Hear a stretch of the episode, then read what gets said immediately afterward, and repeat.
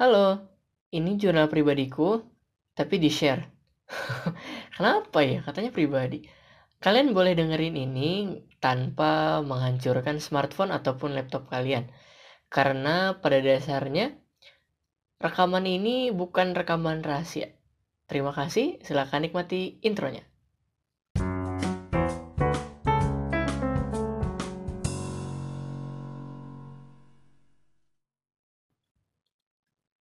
Hai, transisinya udah kan ya? Halo, ini aku lagi, Wendy, yang kemarin udah kenalan barangkali ya. Hari ini aku mau coba share sesuatu yang tadi sempat lewat di pikiran gitulah ya. Uh, kalau kalian baca judulnya, berarti kalian udah tahu yang mau dibahas kan? Yap, bener banget. Jadi kali ini, padahal nggak ada yang jawab ya. ya, interaksi lah ya harusnya. Yaudah, aku ulangi ya. Yap, bener banget. Kali ini kita mau bahas topeng pahlawan super atau misalnya pahlawan bertopeng. Sinchan dong. nah, hal ini kelintas gitu aja tadi kan waktu abis nonton DLC atau downloadable content dari Spider-Man dari Spider-Man uh, game Spider-Man lebih tepatnya di PlayStation 4 atau PlayStation 4. Gamenya apik kok jadi semoga disponsorin kali ya. Tapi emang bener sih bagus banget jalan ceritanya menurutku apalagi endingnya. Nanti mungkin bakal dibahas ya. Oh ya karena ini juga bakal ngebahas beberapa game atau film animasi jadi aku peringatin nih spoiler spoiler alert. Yang nggak mau spoiler bisa dilewat. Barangkali pembahasan kali ini tuh mohon maaf ya yang bakal aku bahas itu tapi ada ini uh, beberapa yaitu Spider-Man di uh, game Spider-Man di PlayStation 4 tahun 2018, film Iron Man 2, film Avengers Age of Ultron, Captain America Civil War, film animasi Justice League Justice League Doom, Shazam, Spider-Man 1, Spider-Man 2, Spider-Man 3 yang pemerannya masih Tobey Maguire. Banyak banget ya, ya maaf ya. Soalnya contohnya mungkin memang harus banyak.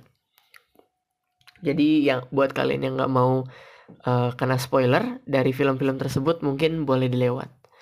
Tapi ya kayaknya penting dah pembahasannya. Aduh, maksa banget mau dengerin. Oke, bahasan pertamanya langsung nih ya. Yang kita lihat di cerita-cerita fiksi yang diadaptasi itu kan pahlawan super tuh. Nah, yang jadi superhero atau pemeran utamanya itu biasanya ngedapetin kekuatan super gitu kan di awal di awal sampai pertengahan cerita. Abis itu mungkin dari pertengahan cerita tuh ada pengembangan karakter dulu dari uh, tengah sampai akhir cerita yang menjadikan nanti si pemeran utamanya ini nantinya jadi sosok pahlawan super yang bisa bener-bener jadi dambaan masyarakatnya gitu kayak yang asalnya orangnya tengil gitu kan atau jahat dikasih pahlawan uh, dikasih kekuatan super jadi uh, ada karakter development kemudian berangsur-angsur mengalami pengalaman-pengalaman yang gimana gitu terus jadi baik di akhir di akhir di akhir ceritanya. Kayak gitu kan. Nah tapi dari hal-hal tersebut aku nangkep nih ada hal yang sangat penting di bagian penutup wajah mereka.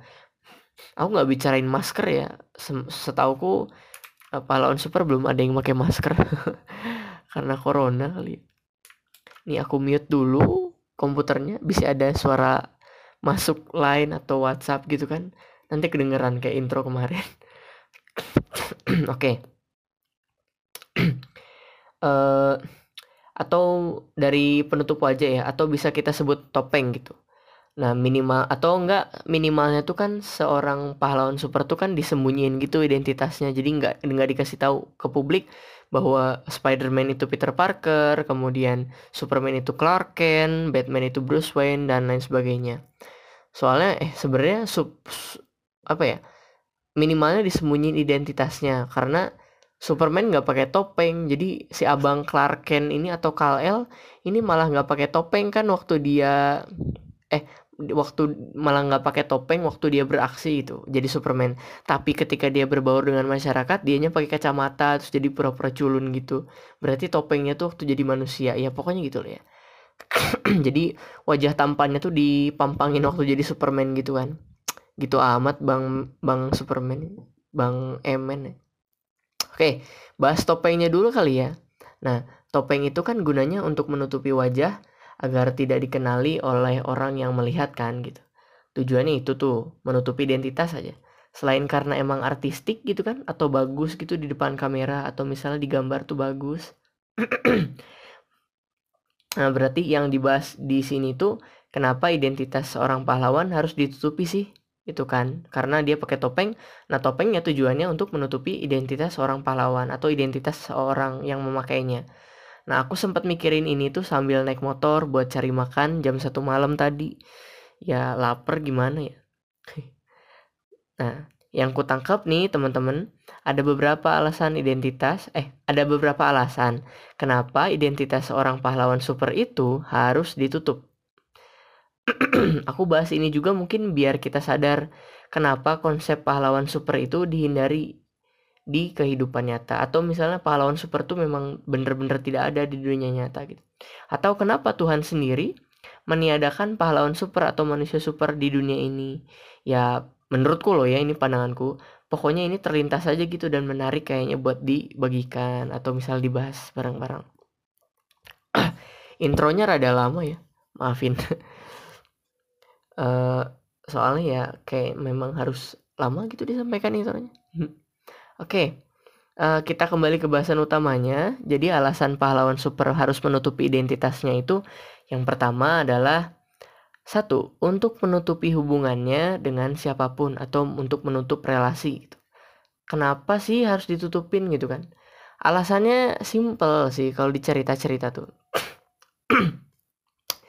Aduh habis makan gorengan gini dah kalian tuh bisa lihat di film Spider-Man 1 alasannya ya kalian bisa lihat di film Spider-Man 1, 2, Spider-Man 2 dan Spider-Man 3 yang pemerannya masih Tobey Maguire ya yang pemerannya masih Tobey Maguire nah ada nih nama perempuan atau heroinnya tuh kan Mary Jane Watson sebagai heroin atau kekasih dari Peter Parker yang kita sayangi ini gitu nah berkali-kali Mary Jane Watson ini diculik gitu dan dijadikan Sandra oleh main villain atau penjahat utama di cerita. Ya enggak sih? Yang pertama, ketika Green Goblin itu tahu bahwa Spider-Man itu Peter Parker, kemudian dia nyandra gitu kan. Uh, kemudian kalau yang di dua itu apa ya? Yang Spider-Man 2 uh, eh, Mary Jane juga disandra sama Dr. Octopus karena tahu uh, Spider-Man itu Peter Parker atau dekat gitu sama Spider-Man. Yang ketiga, uh, yang ketiga Eddie Brock nih, Eddie Brock Jr. Uh, si Venom ini di Spider-Man 3 ini dia tahu bahwa Peter Parker itu dekat dengan Mary Jane Watson. Maka dari itu Spider-Man 1 2 3 Mary Jane Watsonnya diculik terus. Tugasnya buat diculik ya. nah, dicu berkali-kali diculik kan terus dijadikan Sandra oleh main villain atau penjahat penjahat utama di cerita itu kenapa pahlawan super tuh nggak boleh diketahui identitasnya biar orang lain nggak tahu dia itu siapa dan dekat sama siapa aja. Karena ya sesimpel itu bisa membahayakan orang-orang di dekatnya. Mau pacar mau orang tua atau apa gitu. Toh pahlawan super selalu punya musuh kan.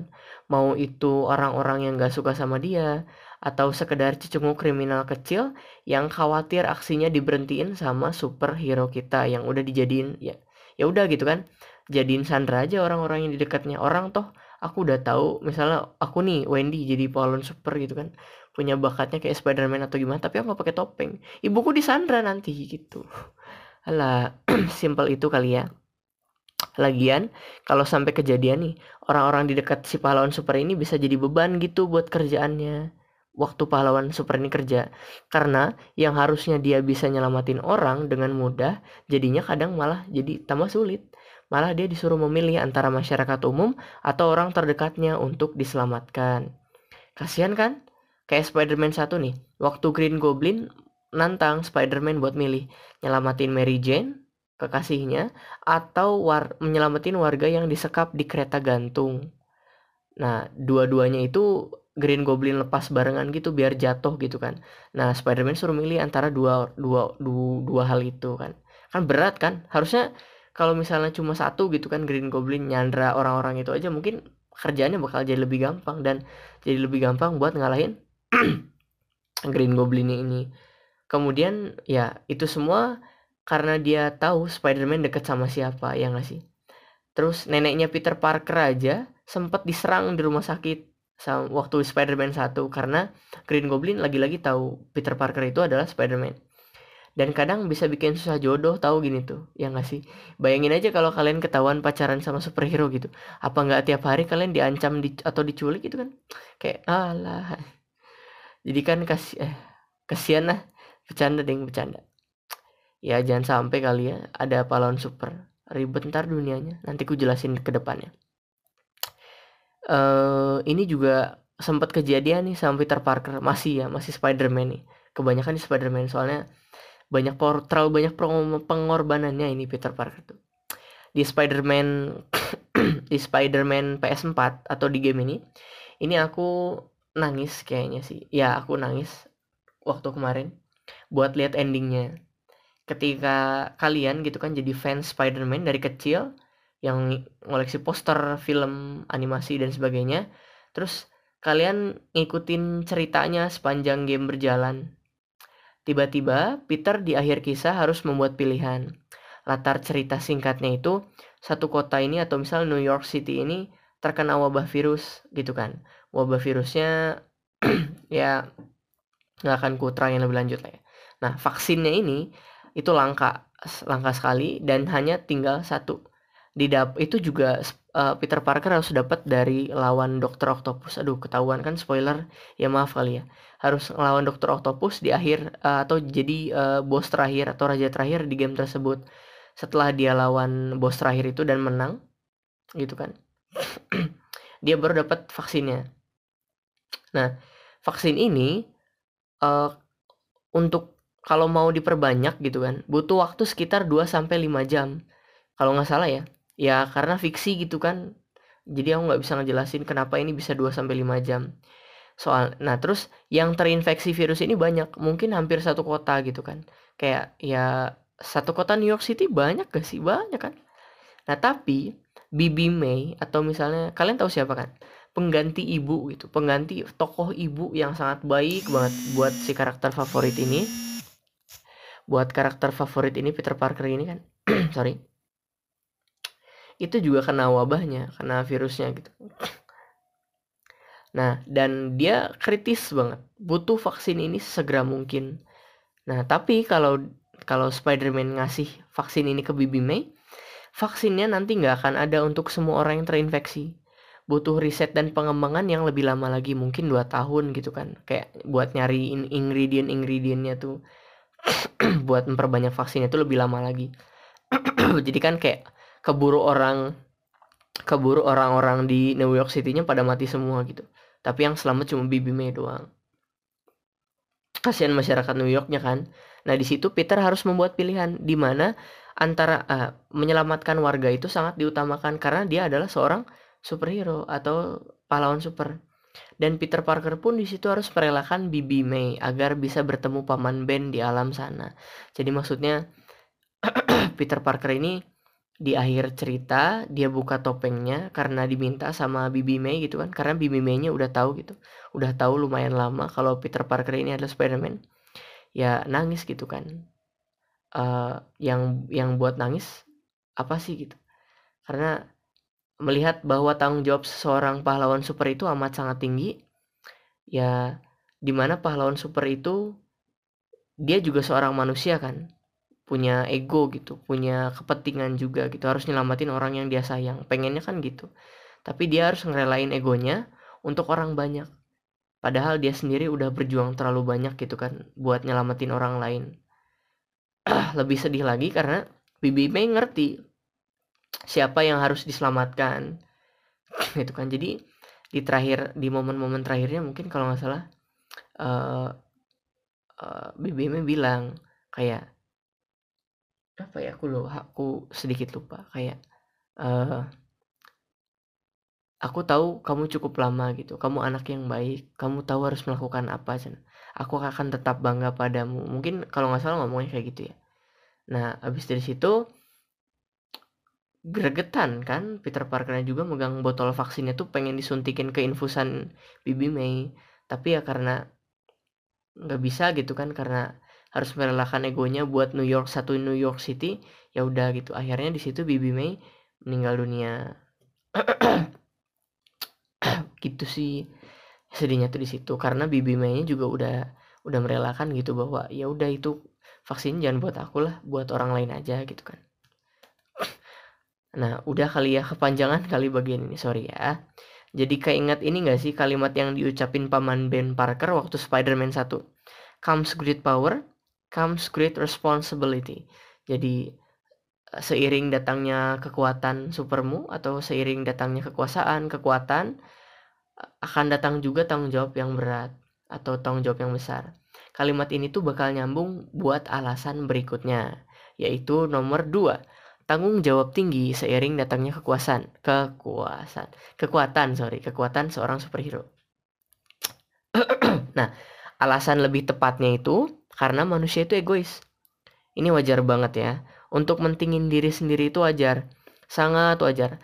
Soalnya yang kalian lihat pengorbanan orang-orang kalau ending film itu uh, kayak misalnya berkorban di, biar dia yang mati atau gimana dan segala macam itu tuh kadang itu kayaknya jarang ditemui gitu loh. Karena pada dasarnya ya semua orang pengen selamat gak sih? Dan hidup bahagia gitu di akhir cerita. Ya kan? Pengennya gitu gitu. Jadi kalau misalnya ada sa satu gedung kebakaran ya kenapa tidak pernah tertib? Ya karena itu semua orang egois gitu. Semua orang pengen selamat dan gak ada yang mau ngalah akhirnya tangganya penuh dan desak-desakan buat pintu masuknya. Tapi kan padahal kalau misalnya orangnya apa ya? Kalau misalnya tetap tenang gitu kan kayak mendahulukan anak kecil, perempuan dan orang tua, mungkin evakuasinya bakal lebih cepat gitu. Makanya orang lain bisa disebut egois. Eh, semua orang bisa disebut egois gitu. Karena ya memang kita punya kepentingan sendiri kok. Nah, kok nyambungnya ke tanggung jawab sih? Ini penjelasannya nih. Jadi, manusia atau masyarakat itu pada dasarnya egois kan, cuma jarang diliatin film, hanya beberapa film aja. Apalagi khususnya di film superhero ya, ini jarang banget di, dijelasin. Kalian kebayang gak sih di negara kalian gitu kan, di wilayah kalian, di kota kalian lah. Ada satu orang pahlawan super yang kekuatannya mirip Superman. Bisa ke sana sini cepet, pendengaran super, mata laser, nafas beku, badan super strong, ya pokoknya terlalu edan lah kekuatannya. Kemudian suatu saat kalian ditodong. Terus di tempat yang sama, di saat yang sama ada perempuan yang akan mengalami sexual assault atau penyerangan seksual atau bisa disebut pemerkosaan. Di tempat lain ada perang saudara di Irak, Iran, Suriah dan lain sebagainya. Dan lain sebagainya di seluruh penjuru bumi. Jadi kayak banyak masalah gitu kan di penjuru bumi itu. nah, masalah tersebut bisa diatasi kan sama si superhero ini, gampang gitu. Tapi di saat yang sama juga dia sedang ada kencan mungkin atau urusan mendadak atau apa gitu misalnya istrinya melahirkan atau apalagi gitu barangkali yang kondisinya sangat memaksa dan mungkin tidak bisa ditinggal oleh si pahlawan super ini. Ketika hal tersebut terjadi, jarang ditunjukkan bahwa kekecewaan masyarakat itu ada. Kayak kita yang nggak selamat dari penodongan, misalnya kita meninggal dari penodongan tadi, perempuan tadi terus terkena pemerkosaan dan lain sebagainya. Nah, masyarakat polisi sama tenaga medis atau masyarakat lainnya, apalagi media massa ya, nanti akan bertanya, di manakah pahlawan super di saat hal ini terjadi? Spiderman di mana sih? Bla bla bla bla bla bla bla gitu. Pasti gitu kalau mereka udah terbiasa dengan kalian yang selalu nolong. Gitu gak sih? Dan selalu ada. Apalagi media. Media tuh kayak...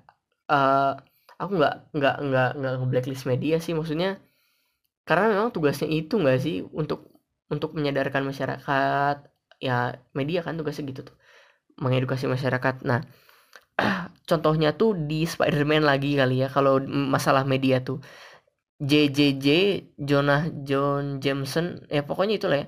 Kepala berita Daily Daily Bugle Daily Bugle Daily Bugle ya apalah ya itu nyebutnya. Yang Peter Parker 12 Peter Parker di Spider-Man 123 itu magang di sana jadi fotografernya Spider-Man. Nah itu bosnya itu sangat benci kepada Spider-Man karena ya memang dia butuh berita yang bikin Spider-Man itu jatuh biar ratingnya naik atau gimana kan gitu atau pada dasarnya memang dia benci Spider-Man sih karena dia kayak punya obsesi gitu mengungkap bahwa Spider-Man tuh ya memang tidak baik lah. Nah balik lagi nih ya. Pasti kan ditanyain gitu pahlawan supernya di mana sih? Pasti gitu kalau mereka udah terbiasa dengan kalian yang selalu nolong dan selalu ada. Apalagi kalau misalnya yang kalian nih kena todong kalian meninggal terus pahlawan spread lah datang karena kencan atau apa gitu. Kalau misalnya kalian nggak tahu ya nah nanti warga-warganya tuh kayak kamu bisa jadi pahlawan super nggak sih? Oh kayak kamu ngeremehin atau gimana kan gitu. Apalagi ibu atau misalnya orang tua kalian gitu kan yang punya hubungan khusus dengan kalian wah kecewa itu pasti. Mau gimana lagi itu kan kayak kenapa sih nggak nyelamatin anakku dulu atau gimana? Gitu. Soalnya setahu apa ya ya eh, sorry sorry masyarakat sama media itu terutama nggak mau tahu kalau kalian punya urusan yang harus diberesin gitu atau apa pun. Ya nggak mau tahu pokoknya kalian pahlawan super aja. Karena kalian super kalian harus nolong orang. Gitu katanya. Karena kekuatannya karena kekuatan kalian tuh adalah anugerah dari Tuhan dan dia harusnya melayani kaumnya atau masyarakatnya dan bla bla bla bla bla. Kebayangkan? Ini akan terjadi. Cuma dalam film jarang didokumentasin aja kayak gimana. Ini kalau identitasnya tertutup loh ya, udah berat nih. Kayak pasti aja masyarakat kecewa sama mereka. Apalagi kalau terbuka, habislah kalian gitu kan setiap apa ya setiap menit ada yang nelfon minta bantuan atau malah kalian dimanfaatin barangkali oleh teman-teman dekat atau keluarga dekat suruh-suruh apa gitu ngangkat truk lah ngangkat angkat berat lah atau misalnya bangun rumah pakai tenaga sendiri gitu nggak pakai alat-alat gitu karena ya mereka tahu kalian pahlawan super gitu.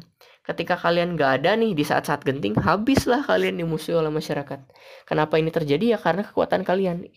Intinya tuh kalian nanti akan dianggap sebagai titisan Tuhan. Tuhan itu apa apa uh, apa ya kalian bisa dianggap Tuhan itu sendiri titisan Tuhan atau masa atau mungkin cuma dewa gitu atau misalnya dewa yang turun gitu kan. Kalian bisa dianggap itu sama masyarakat secara tidak langsung. Intinya ya masyarakat nggak mau tahu misalnya aku nih aku kuliah nih kan. Aku kuliah harus kerjain skripsi harus minta data responden aku harus ngajar atau gimana gitu kan. Nah ketika ada yang butuh pertolongan terus aku dengar terus aku lagi di tanggung jawab bukan misalnya kayak depan dosen gimana segala macem. Selain identitasku nggak boleh ketahuan masa aku tiba-tiba melongo pergi gitu aja gitu nyelamatin orang karirku rusak nih. Jadi kayak harus mempertaruh, mempertaruhkan karir juga. Jadi kayak beradu egoisme lah di sini tuh gitu. Kalau jadi pahlawan super antara kalian mau nyelamatin orang atau misalnya ya kalian urusin diri sendiri dulu. Bisa dan akan mungkin akan sangat mungkin terjadi gitu. Hal tersebut terjadi tuh. Nah bukti keegoisan manusia di berikutnya itu waktu kalau misalnya ada pahlawan super contohnya ada di Iron Man 2 di mana di film Iron Man 1 atau sebelumnya ini abang Tony Stark ini abang Tony Stark ini ngaku dirinya Iron Man. Kayak ngebuka identitasnya gitulah. Nggak ngerti lagi aku sama orang ini. Kayak eks apa ekspresif banget gitu. Nah di Iron Man 2 dia nanti eh dia abis itu dituntut banyak eh, dituntut banyak hal oleh negara gitu. Kayak disuruh bagi kekuatan pengetahuannya disuruh bagi armornya gitu kan ya karena kamu warga negara Amerika Serikat ya kamu harus gini-gini lah bla bla bla bla demi keamanan negara bla bla bla. Demi keamanan negara sendiri. Nah sedangkan nanti negara lain itu nggak dibagi gitu kan armornya. Jadi egois kan ya? Kayak harus mendaftarkan diri gitu kalian tuh atau misalnya ya kayak pokoknya segala sesuatu yang berbau super tuh kayak harus ada di bawah penguasa apa penguasaan manusia atau negaranya itu sendiri. Gitu Nah, kemudian di Avenger of Ultron ini bahkan sampai ada bahkan perdebatan tentang manusia-manusia super ini tuh sudah mencapai puncaknya di mana negara atau dunia seluruh dunia ini mengharuskan para pahlawan super untuk mendaftarkan dirinya beserta identitas aslinya. Nah, uh, ini kayak film The Incredible juga ya. Jadi kayak ada pendaftaran gitulah hero-heronya tuh. Nah, seakan-akan negara tuh udah nggak percaya sama pahlawan super ini dan pengen ada pengawasan untuk pahlawan super. Karena mereka nggak ada ngatur barangkali kan. Jadi manusia-manusia ini ingin pahlawan-pahlawan tersebut eh pahlawan-pahlawan super ya, sorry. Kalau pahlawan doang kayak pahlawan negara juga kan pahlawan, kayak Insinyur Soekarno juga pahlawan. Agar uh, uh, biar pahlawan-pahlawan super ini tuh bisa hidup teratur dan punya tupoksi atau tugas pokok. Ya nggak sih? Tupoksi tugas pokok. Ya pokoknya gitulah. Tugas pokok ya atau misalnya ya gitu tugas lah. Kayak biar ada punya tugas uh, tugas pokok dan fungsi. Eh tugas pokok dan fungsi di masyarakat. Jadi kayak ngeberatin banget nggak sih? Kayak pahlawan harus kerja lima kali sehari atau misalnya mau disuruh-suruh ini itu dan segala macem. Jadi kayak manusianya ego banget gitu kayak pahlawan super kayak nggak boleh punya kehidupan pribadi aja gitu. Jadi kayak makannya jangan jadi pahlawan super kan berat soalnya jangan lah ya. Nah abis itu kan ada yang setuju dan tidak tuh perihal peraturan superhero ini. Jadilah pertempuran di Civil War atau Kapten Kapten Amerika Civil War di mana perdebatan tentang pahlawan harus membuka identitasnya agar bisa diawasi oleh dunia itu waktu dia kerja terus kemudian menghilangkan privasi sekaligus kehidupan kehidupan eh sekaligus kehidupan pribadi. Jadi kan kayak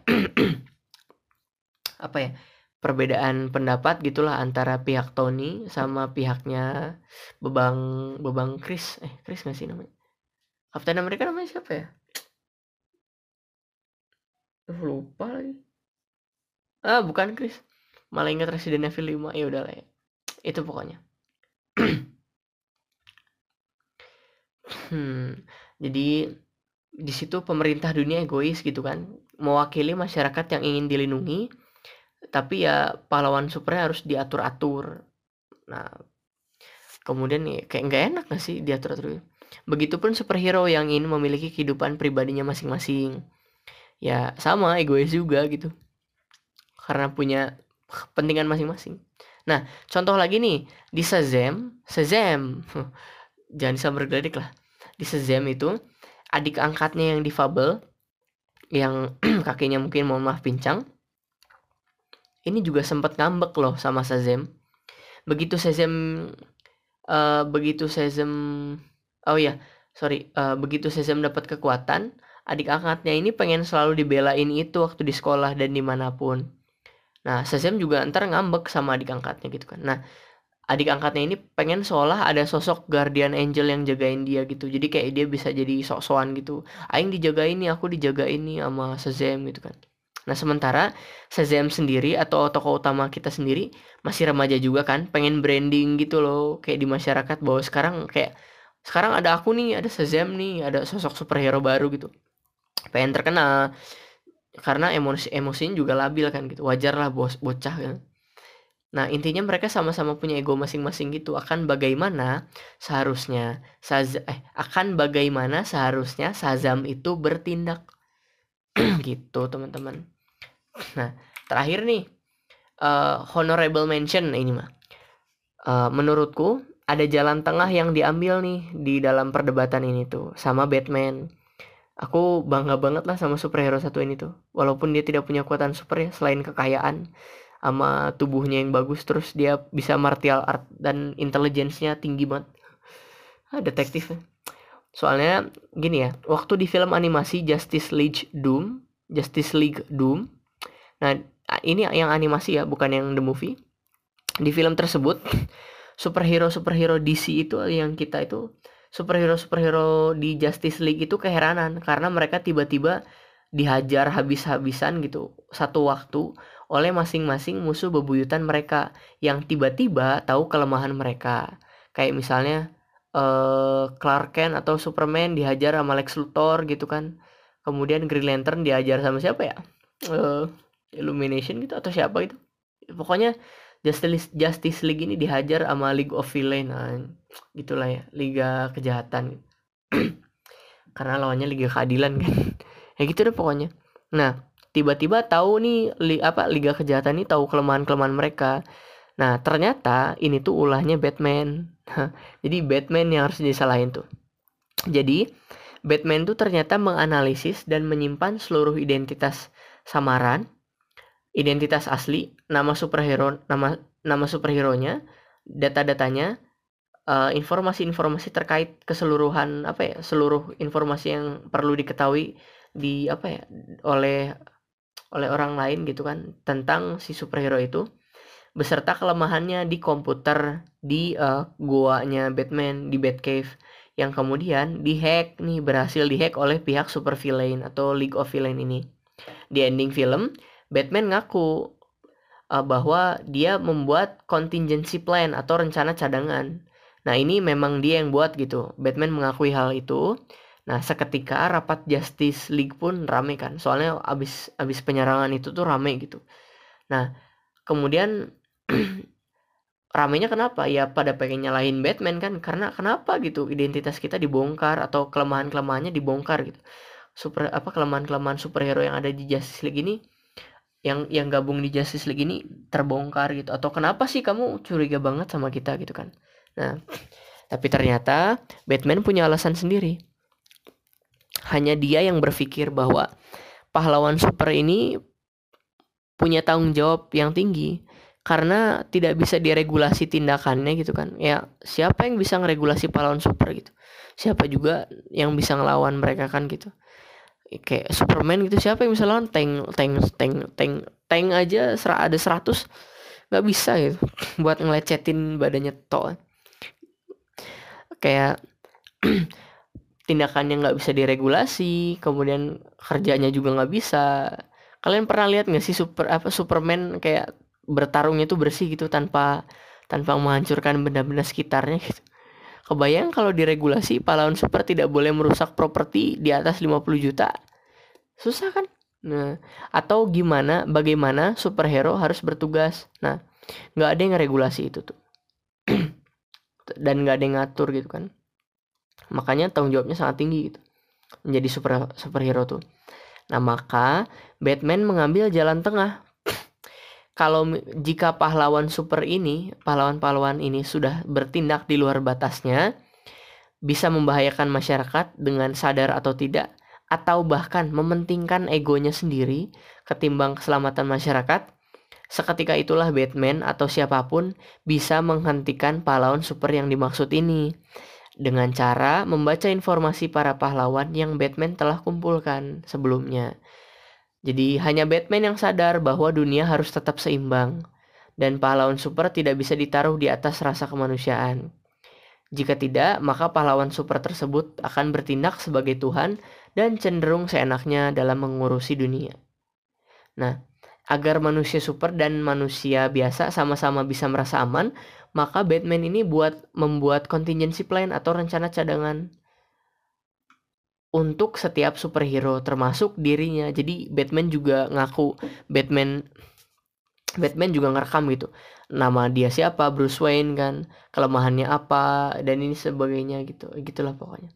Nah, terus apa lagi ya? Uh, Nah, setelah ngejelasin alasannya gitu kan, setelah menjelaskan alasannya tersebut di depan sidang atau rapat, rapat Justice League ya.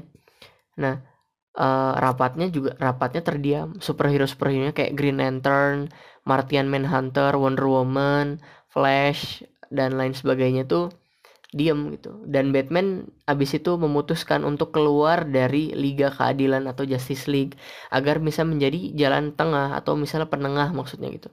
Dengan alasan tersebut, Superman terbuka matanya. Jadi percaya gitu bahwa Batman lah yang bisa memegang kendali atas keduanya. Jadi Superman mengakui bahwa Batman lebih cerdas atau lebih kuat daripada dirinya.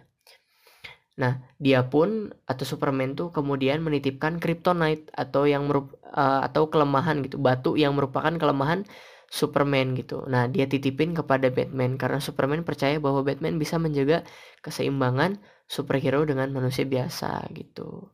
Udah deh, panjang banget kan ya, maafin atuh. Nah, mungkin segitu sih alasan apa ya? Alasan-alasan kenapa pahlawan super ini identitasnya tuh harus ditutupin pakai topeng. nah, mungkin ada lagi gitu, tapi aku belum bisa nangkep nih alasannya, maafin ya. ya kalau misalnya kalian tahu, bolehlah chat-chat aku gitu. Segitu dulu aja barangkali yang bisa kusampaikan perihal ini ya. Kalau bagus jangan lupa di-share, tapi kalau ada kurang-kurang mohon maaf dan mohon kritik sama sarannya juga. Akhir kata, jangan lupa makan, jangan lupa minum, dan istirahat yang cukup, karena hidup cuma sekali, jangan lupa dinikmati ya. Tapi jangan kebablasan juga, nanti dimarahin Tuhan. Sekian dari aku, see you soon teman-teman.